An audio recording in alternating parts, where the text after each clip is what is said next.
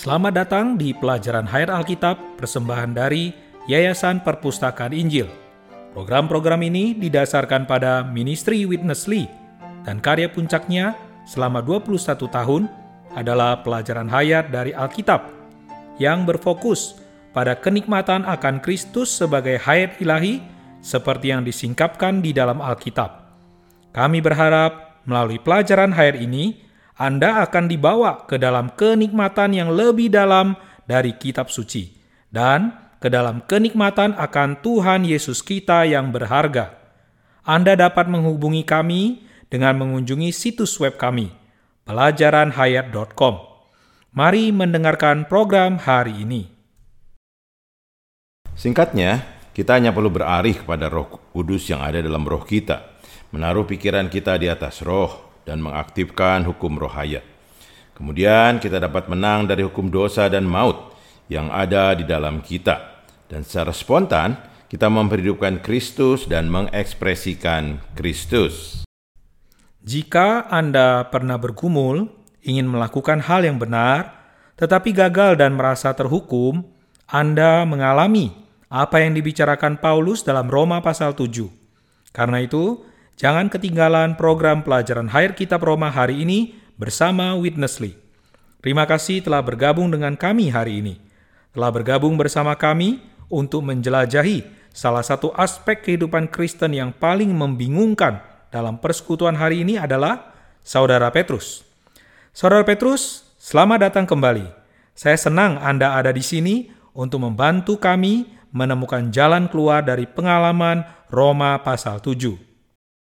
Untuk menemukan jalan keluar dari pengalaman Roma pasal 7, kita perlu melihat secara rinci apakah pengalaman ini.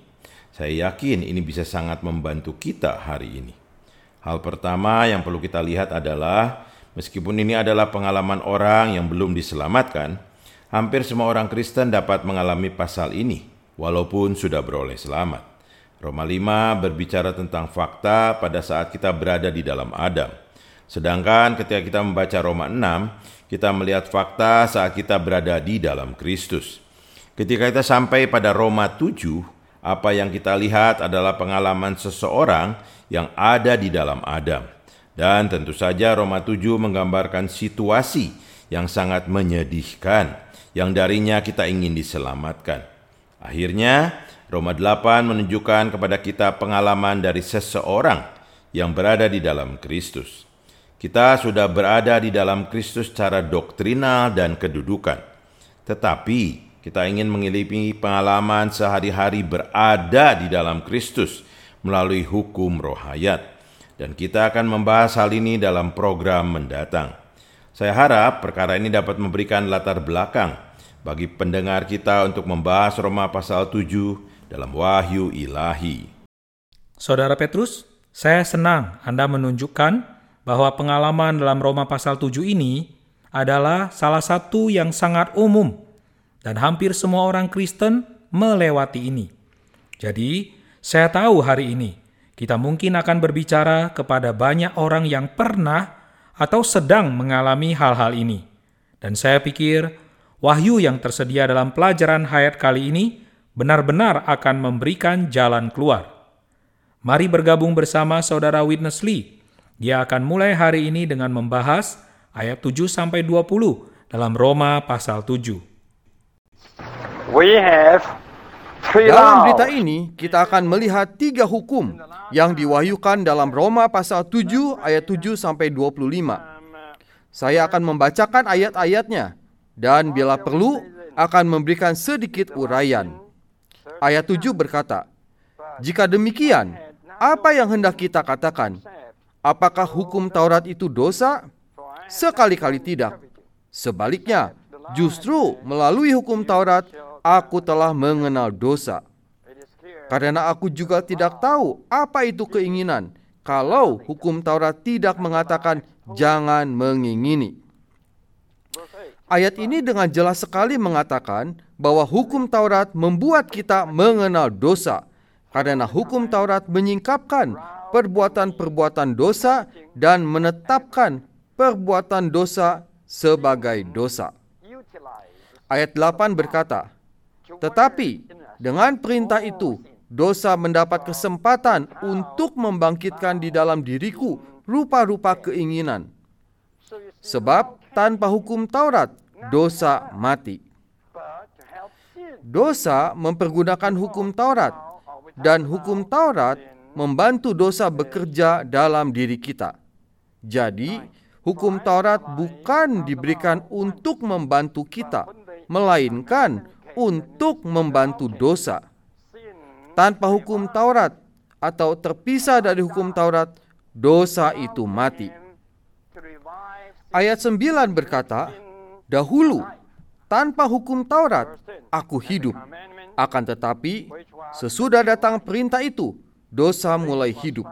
Sebaliknya, aku mati. Hukum Taurat tidak membantu kita. Ia membantu dosa. Hukum Taurat datang untuk membangkitkan dosa, menghidupkan dosa. Sebelum hukum Taurat datang, dosa tidur. Namun, ketika hukum Taurat muncul, dosa dihidupkan. Ayat 10 berkata, Perintah yang seharusnya membawa kepada hidup, ternyata bagiku justru membawa kepada kematian. Meskipun hukum Taurat dianggap membawa kita kepada kehidupan, tetapi akhirnya ia membawa kita kepada kematian. Ayat 11 berkata, Sebab dengan perintah itu, dosa mendapat kesempatan untuk menipu aku. Dan dengan perintah itu, ia membunuh aku. Dosa adalah pembunuh, dan hukum Taurat adalah alat pembunuh. Hukum Taurat adalah pisau yang dipakai oleh dosa untuk membunuh kita. Dosa dengan menggunakan hukum Taurat mula-mula menipu kita, kemudian membunuh kita. Karena perbuatan menipu dan membunuh adalah perbuatan suatu oknum, kita harus memandang dosa sebagai penjelmaan iblis. Ayat 12 berkata, Jadi, hukum Taurat adalah kudus, dan perintah itu juga adalah kudus, benar, dan baik. Tidak ada persoalan mengenai sifat hukum Taurat. Sifat esens hukum Taurat adalah kudus, adil, dan baik. Ayat 13 berkata, Jika demikian, apakah yang baik itu menjadi kematian bagiku? Sekali-kali tidak. Tetapi supaya nyata bahwa ia adalah dosa, maka dosa mempergunakan yang baik untuk mendatangkan kematian bagiku. Supaya dengan perintah itu, dosa lebih nyata lagi keadaannya sebagai dosa. Ayat ini adalah bukti tambahan bahwa hukum Taurat tidak membantu kita. Sebaliknya, hukum Taurat membuat dosa lebih nyata lagi keadaannya sebagai dosa. Ayat 14 berkata, Sebab kita tahu bahwa hukum Taurat bersifat rohani, tetapi aku bersifat daging, terjual di bawah kuasa dosa. Kata terjual di bawah kuasa dosa berarti terjual kepada dosa. Dosa adalah pembeli, tuan pembeli, dan kita telah dijual kepadanya. Ayat 15 berkata, Sebab apa yang aku lakukan, aku tidak tahu. Karena bukan apa yang aku kehendaki yang aku lakukan, tetapi apa yang aku benci, itulah yang aku lakukan. Kata tidak tahu dalam ayat ini berarti tidak mengenal, tidak menyetujui. Bagaimana kita dapat berkata bahwa kita tidak mengetahui apa yang kita lakukan? Tentu saja kita tahu. Ayat ini berarti bahwa Paulus tidak mengenal apa yang dia lakukan. Artinya, meskipun kita bisa bertindak salah, kita tidak mengenalnya atau menyetujuinya. Ayat 16 sampai 17 berkata, "Jadi, jika aku melakukan apa yang tidak aku kehendaki, aku menyetujui bahwa hukum Taurat itu baik. Kalau demikian, bukan aku lagi yang melakukannya, tetapi dosa yang ada di dalam aku. Paulus berkata bahwa bukan dia lagi yang melakukan apa yang tidak dia kehendaki, melainkan dosa yang ada di dalamnya. Kata "ada di dalam" tidak sama dengan kata Yunani yang di tempat lain diterjemahkan "tinggal". Kata ini adalah kata Yunani yang berarti "membuat rumah", karena kata kerja tersebut mempunyai akar kata yang berarti "rumah". Ayat 18 berkata, Sebab aku tahu bahwa di dalam aku, yaitu di dalam dagingku, tidak ada sesuatu yang baik. Sebab menghendaki yang baik memang ada padaku, tetapi melakukan apa yang baik tidak. Paulus tidak berkata bahwa tidak ada sesuatu yang baik di dalamnya. Dia berkata bahwa tidak ada sesuatu yang baik di dalam dagingnya. Kita harus memperhatikan kata penjelasan yang dipakai Paulus di dalam dagingku. Jangan sekali-kali mengatakan bahwa tidak ada sesuatu yang baik di dalam Anda. Namun, di dalam daging kita, yakni di dalam tubuh kita yang telah jatuh, tidak ada yang baik. Di dalam tubuh kita yang telah jatuh, yang disebut daging oleh Alkitab, tinggallah dosa dengan segala nafsunya. Jadi, tidak terdapat yang baik di dalam daging kita ayat 19 berkata, Sebab bukan apa yang aku kehendaki, yaitu yang baik yang aku lakukan, melainkan apa yang tidak aku kehendaki, yaitu yang jahat yang aku lakukan. Ayat ini membuktikan bahwa masih ada yang baik di dalam kita, karena kita masih mempunyai keinginan yang baik, keinginan untuk berbuat baik. Namun, kita tidak mampu melakukan kebaikan yang ingin kita lakukan. Ayat 20-21 berkata, Jadi, jika aku melakukan apa yang tidak aku kehendaki, maka bukan lagi aku yang melakukannya, tetapi dosa yang tinggal di dalam aku. Demikianlah aku dapati hukum ini. Jika aku ingin melakukan apa yang baik, yang jahat itu ada padaku.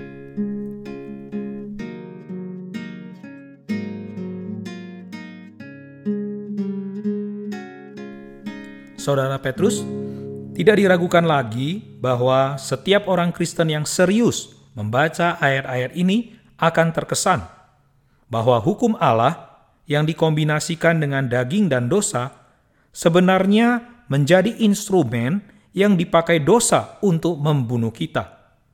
Ini adalah fakta yang luar biasa tentang hukum Taurat dan jelas diwahyukan di dalam Alkitab. Apakah maksud semua ini? Perlu kita sadari bahwa hukum Taurat adalah gambar atau potret Allah. Jika saya membuat suatu hukum, hukum tersebut akan menunjukkan orang macam apa saya.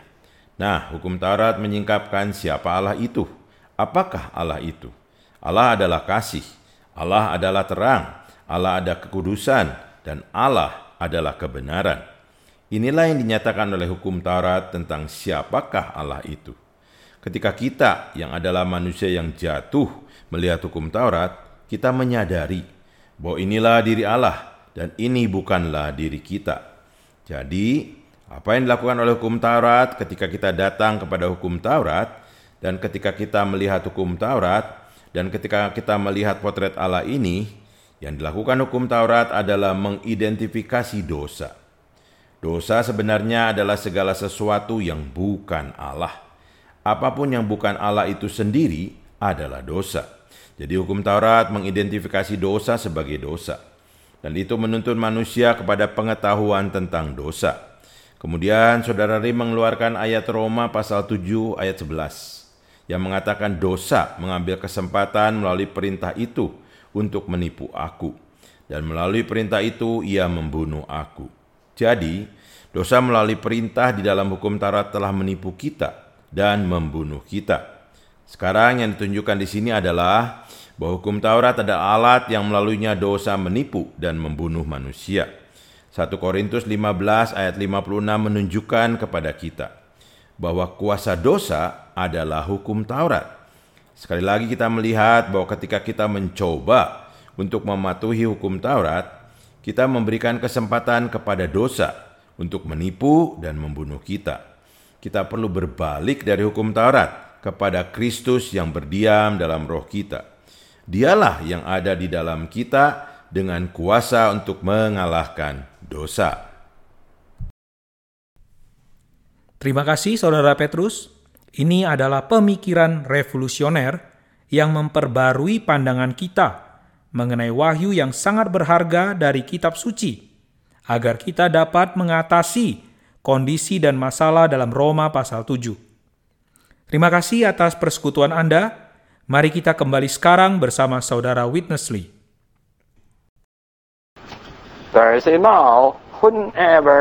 Ayat 21 menyinggung hukum yang bekerja setiap kali kita ingin berbuat baik.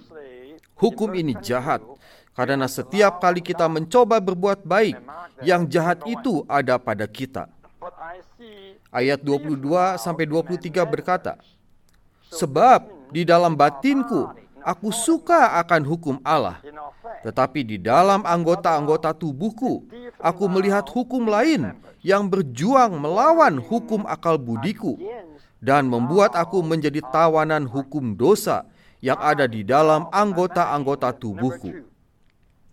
Ayat 22 menyinggung hukum Allah dan di dalam manusia batinianya Paulus suka kepada hukum ini. Kita boleh menomori hukum ini sebagai hukum nomor satu. Dalam ayat 23, Paulus menyinggung hukum akal budi yang boleh kita sebut hukum nomor dua. Karena hukum ini adalah hukum akal budi, dan akal budi adalah bagian dari jiwa kita, ini berarti di dalam jiwa kita ada hukum. Ayat 23 juga mengatakan apa yang disebut oleh Paulus sebagai hukum lain di dalam anggota-anggota tubuhku. Karena hukum ini ada di dalam anggota-anggota tubuh kita, dan anggota-anggota tubuh kita adalah bagian dari daging kita, tubuh kita yang telah jatuh, berarti di dalam daging kita ada hukum lain. Hukum ini, hukum nomor tiga, berperang melawan hukum akal budi kita. Dalam Roma pasal 7 ayat 23, kita menemukan dua hukum yang saling bertentangan, berperang melawan satu sama lain. Paulus berkata bahwa hukum lain yang ada di dalam anggota-anggota tubuh kita membuat kita menjadi tawanan hukum dosa.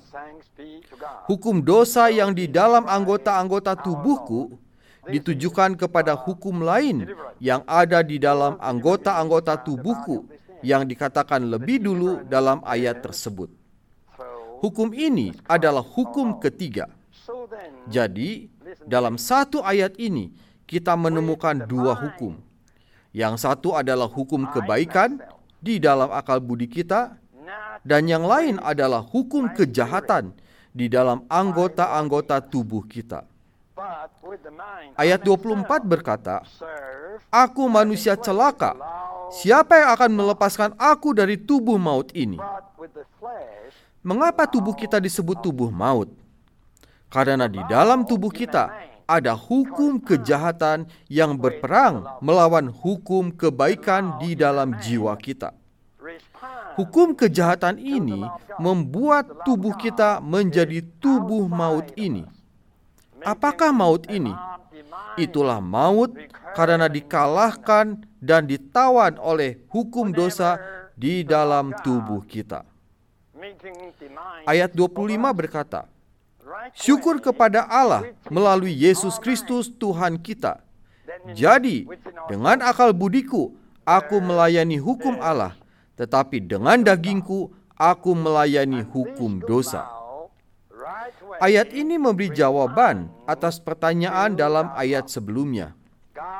Menurut ayat 25, kelepasan dari tubuh maut adalah melalui Tuhan kita Yesus Kristus. Dalam ayat ini, Paulus memberitahu kita bahwa dengan akal budinya, oleh dirinya sendiri, dia melayani hukum Allah. Bukan di dalam rohnya, oleh Tuhan Yesus. Dia juga berkata bahwa dengan daging dia melayani hukum dosa. Kalau hukum Allah berada di atas kita dan di luar kita, mempunyai banyak tuntutan atas kita, maka hukum kebaikan berada di dalam akal budi jiwa manusia. Dapat kita katakan bahwa hukum kebaikan di dalam akal budi kita sesuai dengan hukum Allah dan memberikan reaksi terhadap tuntutan-tuntutannya, berusaha menjalankannya. Kapan saja hukum Allah mempunyai tuntutan atas kita, hukum kebaikan di dalam jiwa kita memberikan reaksi kepadanya. Kalau hukum Allah berkata, "Hormatilah orang tuamu," maka hukum kebaikan di dalam akal budi kita segera menjawab, "Amin. Aku akan melakukannya. Aku akan menghormati orang tuaku." Ini adalah pengalaman sepanjang hidup kita. Setiap kali hukum Allah mempunyai tuntutan, hukum kebaikan di dalam jiwa kita memberikan reaksi dan berjanji untuk melakukannya. Namun, ketika hukum kejahatan mengetahui bahwa hukum kebaikan sedang memberikan reaksi, maka hukum kejahatan seolah-olah berkata, "Apakah engkau akan melakukan kebaikan menurut hukum Allah?" aku tidak akan mengizinkannya. Hukum kejahatan berperang melawan hukum kebaikan dan selalu menawan kita. Jadi, kita menjadi tawanan hukum dosa yang ada di dalam anggota-anggota tubuh kita. Ini bukan doktrin, melainkan sejarah hidup kita.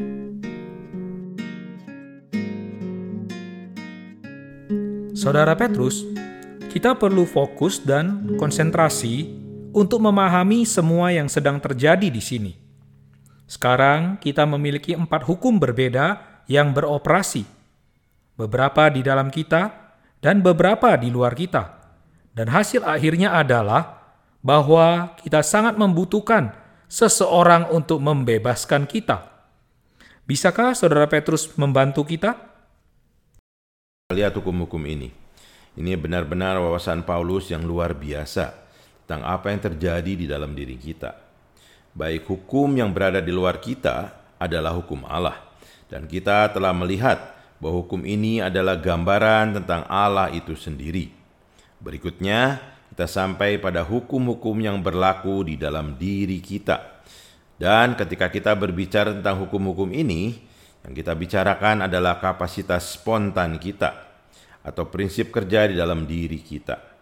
Kekuatan spontan yang bekerja dalam diri kita itu seperti hukum gravitasi. Hukum gravitasi adalah kapasitas yang spontan.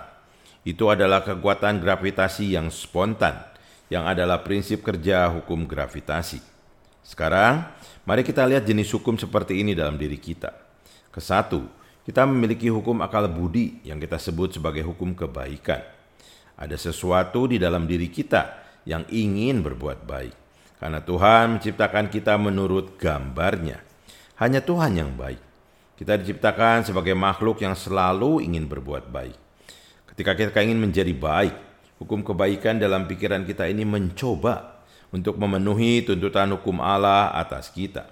Tetapi ada hukum lain yang dikatakan oleh Paulus, yaitu hukum di dalam anggota-anggota tubuh kita yang jauh lebih kuat daripada hukum kebaikan dalam akal budi kita. Hukum dalam anggota-anggota tubuh kita ini adalah hukum dosa dan maut. Apakah ini? Inilah prinsip kerja dosa dan maut di dalam diri kita. Ini adalah kekuatan spontan dan kapasitas bawaan dari dosa dan maut di dalam diri kita.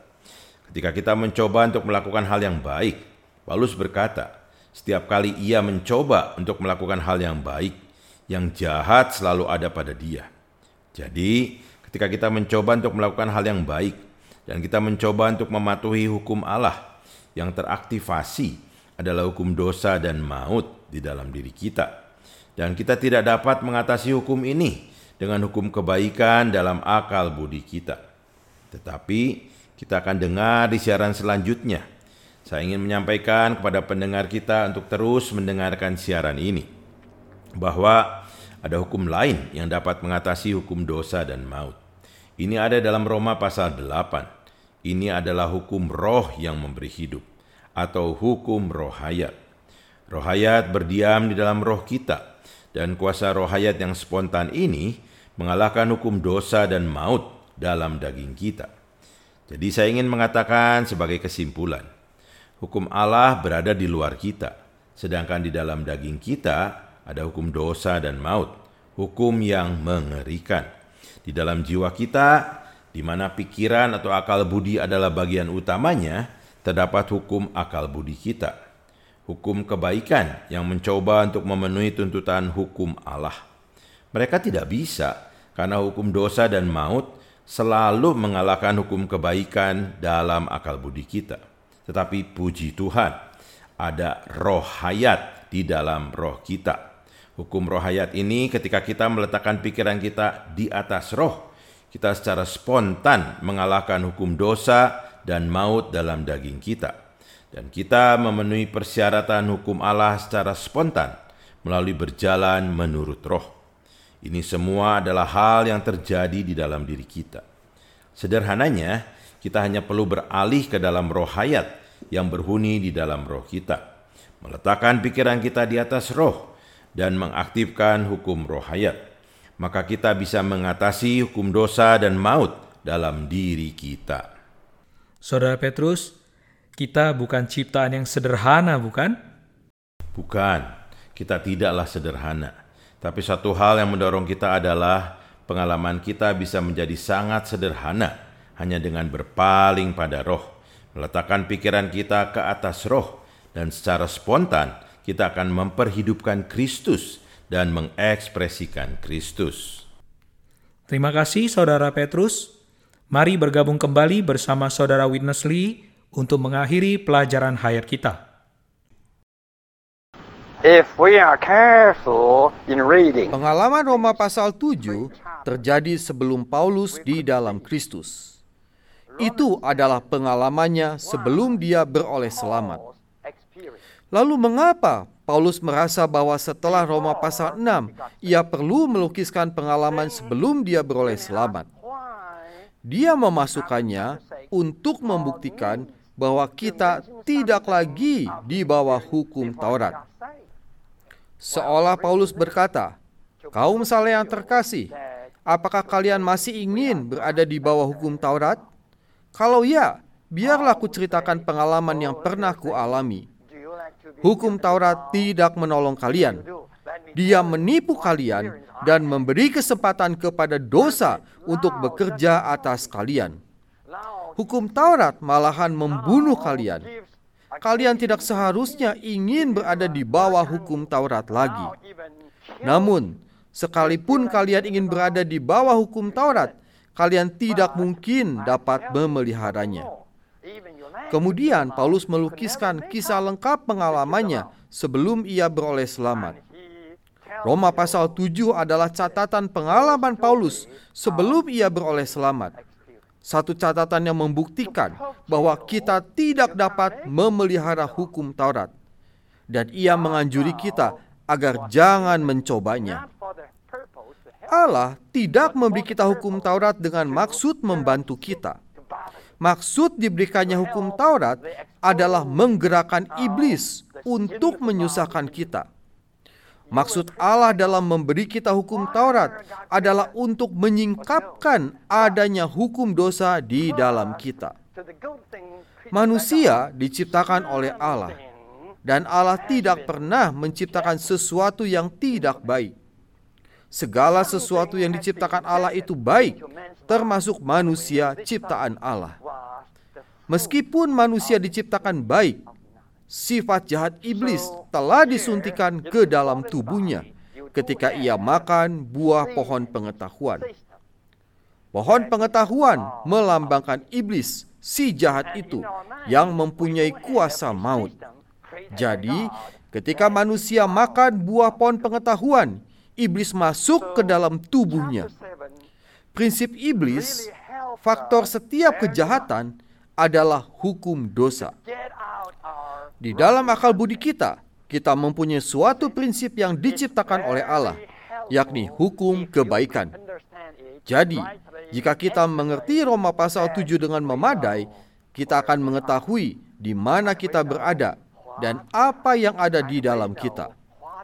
Kita mempunyai hukum kebaikan di dalam akal budi kita dan hukum kejahatan di dalam daging kita. Dua hukum yang bertentangan. Hukum kebaikan mewakili prinsip kebaikan yang diciptakan Allah. Dan hukum kejahatan adalah prinsip iblis di dalam daging kita. Iblis di dalam daging kita membenci Allah, menipu manusia, dan berusaha sekuatnya untuk merusak dan menghancurkan sifat manusia. Jadi, kapan saja akal budi manusia karena hukum kebaikan berpikir hendak berbuat baik, hukum kejahatan segera bangun, memerangi, mengalahkan, dan menawan manusia celaka yang kasihan ini. Demikianlah pengalaman Paulus sebelum ia beroleh selamat. Ketika ia sebagai seorang pengikut agama Yahudi yang berapi-api dan pencinta hukum Taurat. Siang malam dia berusaha memelihara hukum Allah. Akhirnya dia menyadari bahwa hukum Allah berada di luar dia. Hukum kebaikan yang memberikan reaksi kepada hukum Allah ada di dalam akal budinya. Dan kapan saja dia ingin berbuat baik, hukum lain di dalam anggota-anggota tubuhnya berperang melawan hukum kebaikan di dalam akal budinya, menawan dia dan menjadikannya celaka. Paulus menemukan bahwa tubuhnya adalah tubuh maut. Dalam hal memelihara hukum Allah, dalam hal berbuat kebaikan untuk diperkenan Allah, tubuh maut ini seperti mayat saja. Paulus mulai mengenal bahwa dia tidak berpengharapan dikarenakan unsur dosa yang begitu berkuasa tinggal di dalam tubuhnya yang telah jatuh. Inilah gambaran yang jelas dilukiskan dalam Roma pasal 7 Begitu kita nampak gambaran ini, kita akan memuji Tuhan karena Dia tidak menyuruh kita memelihara hukumnya. Saudara Petrus, pengalaman Roma pasal 7 jelas bukan pengalaman yang menyenangkan. Itu adalah pengalaman pergumulan dan kegagalan. Dan salah satu faktor kegagalan dan pergumulan kita adalah hukum Allah. Saudara Petrus, jika kita tidak mampu memelihara hukum Allah, lalu apakah fungsi hukum Allah ini dalam ekonominya? Kita perlu melihat fungsi hukum Allah dalam ekonomi Allah. Ada tiga fungsi. Pertama, hukum Allah memperlihatkan kepada manusia sifat dosa mereka dan perbuatan jahat mereka. Apa yang dilakukan hukum Allah adalah bekerja sebagai cermin bagi kita. Ketika Anda melihat hukum Allah, Anda menyadari bahwa inilah Allah, ini bukanlah saya. Saya berdosa dan saya berbuat dosa. Jadi apa yang hukum Allah lakukan adalah mengekspos Anda. Hukum Allah ini memiliki fungsi lain yang juga luar biasa. Fungsi kedua terdapat di dalam Galatia pasal 3 ayat 24 dan 23. Hukum Allah menjaga umat pilihan Allah dan mengantarkan mereka kepada Kristus.